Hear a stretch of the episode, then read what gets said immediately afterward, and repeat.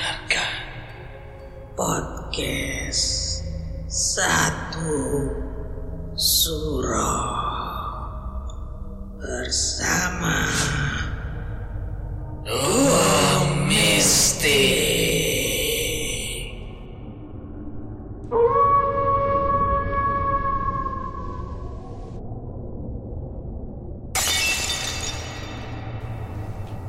Assalamualaikum warahmatullahi wabarakatuh.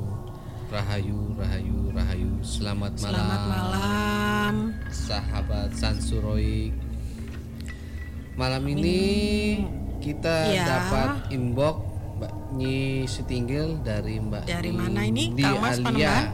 Mbak Nindi Oh Alia ya, Nur. Nindi Alia Nur. Ini dari eh, kiriman dari Facebook ya. Ya, Cerita Facebook, dari inbox Facebook. Oke, judulnya apa ini, Kang Mas? Pesugihan Putri Cantik Putri Pesugihan Putri Cantik. Iya. Oke. Yuk kita mulai bacain aja yuk Oke, monggo ceritanya. Nyi Sitinggil Oke, saya dulu ya. Oke. Ya. Sesuai janji saya, bakal bercerita tentang awal mula pesugihan.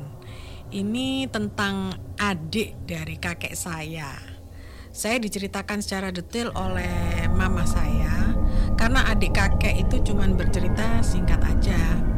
Oke, langsung aja ya. Kehidupan adik kakek saya ini kalau dibilangnya sih kurang mampu ya Karena memang kerjaan adik kakek ini cuma jadi buruh di sawah Kadang juga kalau disuruh ngangon bebek juga jadi kuli bangunan juga dia mau tapi saat itu keadaan sedang tidak ada kerjaan sama sekali karena sawah juga lagi gagal panen. Ketika itu dia hanya berpikir, apa saya harus ikut pesugihan ya? Karena memang istrinya juga habis melahirkan dan anaknya juga ada tiga dan yang dua udah mulai sekolah. Aduh dilema ini Iya. ya Kang Mas ya. Ah, Kasihan sekali nih Iya. Adik kakek hanya melamun dan bingung karena pikirannya sudah buntu dia pun memutuskan buat memelihara tuyul. Wah, tuyul lagi nih ceritanya. Hari ini kita berkaitan dengan pertuyulan ini. Iya, ini udah kayaknya udah udah putus Season ini asa ya. ini ya, putus asa ini. Season ini memang banyak tuyul nih. Iya. Sehabis Isya, dia pun segera pergi ke tengah-tengah sawah yang jauh jauh dari pemukiman. Karena memang kata orang desa banyak sekali di sana tuyul. Sesampainya di sana, adik kakek mencari-cari dengan penerangan seadanya, tapi tidak menemukan satupun makhluk itu. Akhirnya, adik kakek menemukan sebuah gubuk dia beristirahat sebentar di sana sambil melihat sekitar dan mencari-cari. Karena tak kunjung ada, dia pun tertidur di sana. Wah, tertidur di gubuk dia. Kecapean Sampai- kali ya nyari apa nih? Iya. Nyari tuyul sampai segitunya. Iya, wah, Ampun. niat banget nih. Oke. Mungkin sampai dini hari dia di sana. Ketika tidur, dia merasakan ada yang berlari-lari di perutnya. Aduh nggak geli ya itu ya. Adik kakek terbangun karena takutnya ada serangga atau apalah. Dia terkejut melihat ada lima makhluk Wow, wow, wow. tubuhnya kecil sekali. Mungkin sekitar jempol dewasa. Hitam, dengan gigi yang sangat besar. Ya ampun, serem banget. Udah udah kecil, hitam, terus giginya besar bisa bayangin nggak? ya? Bisa bayangin nggak Kang Waduh. Mas? Terus lari terus in, apa? Ada di perut kita gitu. Weish. Lima, ampun. Kalau saya udah sesak napas kali ya. Lumayan kok digigit ya. Iyalah. Oke. Dengan gigi yang sangat besar, namun yang bikin adik kakek gak jadi memelihara tuyul itu karena jijik melihat makhluk itu belekan banyak Allah, sekali. Ya, Yang, belum pernah lihat tuyul kayak gitu ternyata Oh, aja. cirinya ternyata gitu ya. Kirain tuyul itu lucu-lucu gundul-gundul gitu ya kayak kayak gilani ya. kayak Casper Casper gitu ya ternyata Gilani ya. ternyata gilani gitu ya ampun Ampun, ya oke. Melihat hal itu ada kakek mengurungkan niatnya. Dia pun segera pulang. oke keesokan harinya ada seseorang yang mengajak adik kakek ke salah satu gunung di Tasikmalaya yang terkenal sebagai tempat pesugihan. Pernah ke sana pasti tahu lah ya. Nah, ini gunung apa ya? Saya juga belum tahu nih. Nggak pernah, nggak pernah pesugihan sih. Tapi adik kakek mencoba berpikir-pikir lagi. Karena memang keadaan istrinya yang perlu banyak kebutuhan ya uang dan kebutuhan anaknya juga banyak dia akhirnya memutuskan untuk pergi sendiri ya nekat dia pergi ik- eh, dengan gandol naik mobil truk ya pengangkut kayu yang tujuannya ke sana. Nah setelah sampai memang hanya ada mobil mobil pengangkut saja. Karena memang dia pergi ketika sore dan sampai menuju maghrib. Dia pun turun di dekat sebuah pohon besar dan masuk ke celah-celahnya.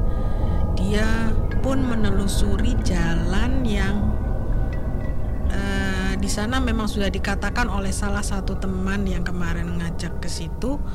Makin lama makin masuk sangat dalam, belum menemukan apa pun pohon. Makin ke sini makin rindang. Gimana nih maksudnya ya? oh belum menemukan apa pun cuma ini mungkin dia hanya melihat pohon-pohon aja mungkin dia Oh, di sana gitu Dia ya. nggak menemukan apa-apa dia di sana Tapi udah udah masuk ke celah-celahnya ya. iya Oke oke udah oke. masuk ke dalam dia Singkat cerita, dia sampai di dalam hutan yang banyak makamnya. Dan di atas kepalanya banyak monyet yang bergelantungan. Tapi saat dia perhatikan monyet-monyet itu seolah-olah menatap dia dan seperti melarang masuk untuk terlalu dalam ke hutan itu. Tapi dia tidak menghiraukannya. dan sampailah di sebuah gua besar dia pun masuk ke dalam sudah ada yang menunggu wanita cantik sekali dan keadaan gua pun seperti masuk ke dalam istana kerajaan pilar-pilar berdiri tegak dengan karpet merah wah ini udah masuk ke Wah. dimensi yang Ini berbeda nih beda si ya kalau tadi ya. ketemu yang ketemu yang menjijikan, Ikan, ini ketemu wanita yang- cantik ini kayak di film-film deh iya kayaknya indah-indah ya. nih ya Wah, Oke, udah oke. masuk ke dimensi dia nih, dimensi gaib nih dia. Hmm. Si kak, si adik kakek ini.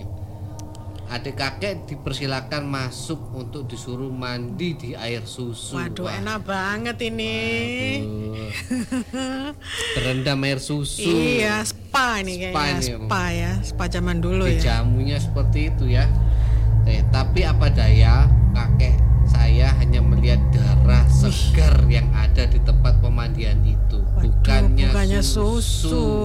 Aduh, bukan Oh, kolam susu bukan malah kolam kolam darah. darah.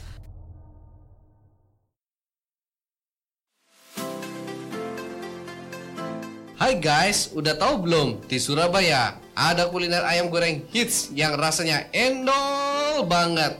Kalian bisa nih kunjungi gerainya ya di Max Building lantai 1, Jalan Pregolan nomor 1 sampai 5 Surabaya. Atau kalian lagi mager aja nih di rumah karena khawatir untuk pergi ke mana-mana. Nggak masalah, tinggal order aja di nomor WhatsApp 0878 549 25935. Beres deh. So, Buruan ya pada nyobain, nggak bakal nyesel. Jangan lupa juga pantengin di Instagram @ayam goreng Karawaci Surabaya. Ayam goreng Karawaci, jagonya ayam. Hmm.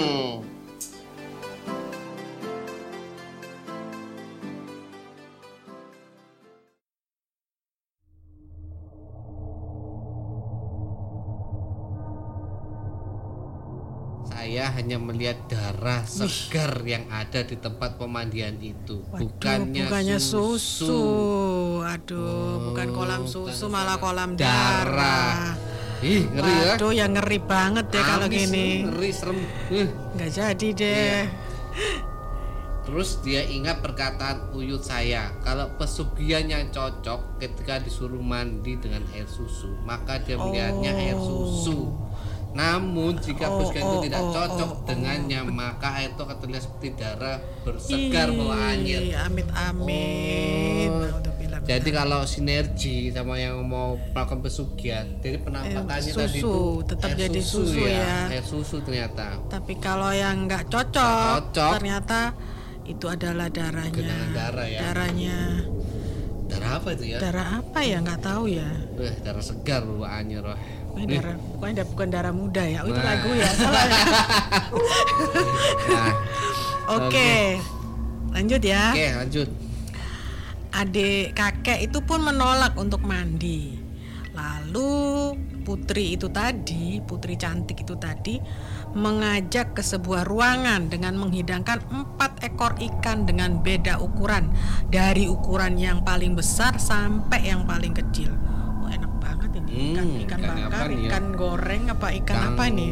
Ikan Apa? asam manis ya. Ikan apa? Ikan penyet. Nah, oke, Oke. dilanjut. Adik kakek disuruh untuk memilih. Dia pun memilih untuk melihat dari yang besar sampai yang kecil. Namun ketika dia melihat yang kecil, seperti melihat anaknya yang bayi. Lalu ketika dia melihat tiba-tiba dia melihat ikan yang lain juga berubah seperti keluarganya dari yang besar istrinya anak ke satu dan kedua. Oh, jadi ikan-ikan itu tadi Umpama untuk korban ya. jadi Tumbal dia ya. jadi dia ngelihat itu yang kecil itu anaknya yang bayi, terus yang Besar- semakin besar, besar itu, itu ada istrinya. terus anaknya ke satu kedua pokoknya variasi itu semakin itu ya. Oke, oke. Waduh, serem juga ini ya. Akhirnya dia lari menuju pintu tadi, dia masuk tapi dikejar sama putri itu tadi. Adik kakek udah mulai jauh dan melihat ke belakang kalau putri tadi sudah berubah jadi ular besar. Dan gua itu menjadi gelap, berbatu, berlumut, tidak seperti ketika waktu dia datang. Wadaw, udah jadi berubah semua ini kayak bagaikan Cinderella yang berubah wujud ya. Sudah jam 12 malam nih, harus pulang ini. Melihat langit pun sudah seperti dini hari.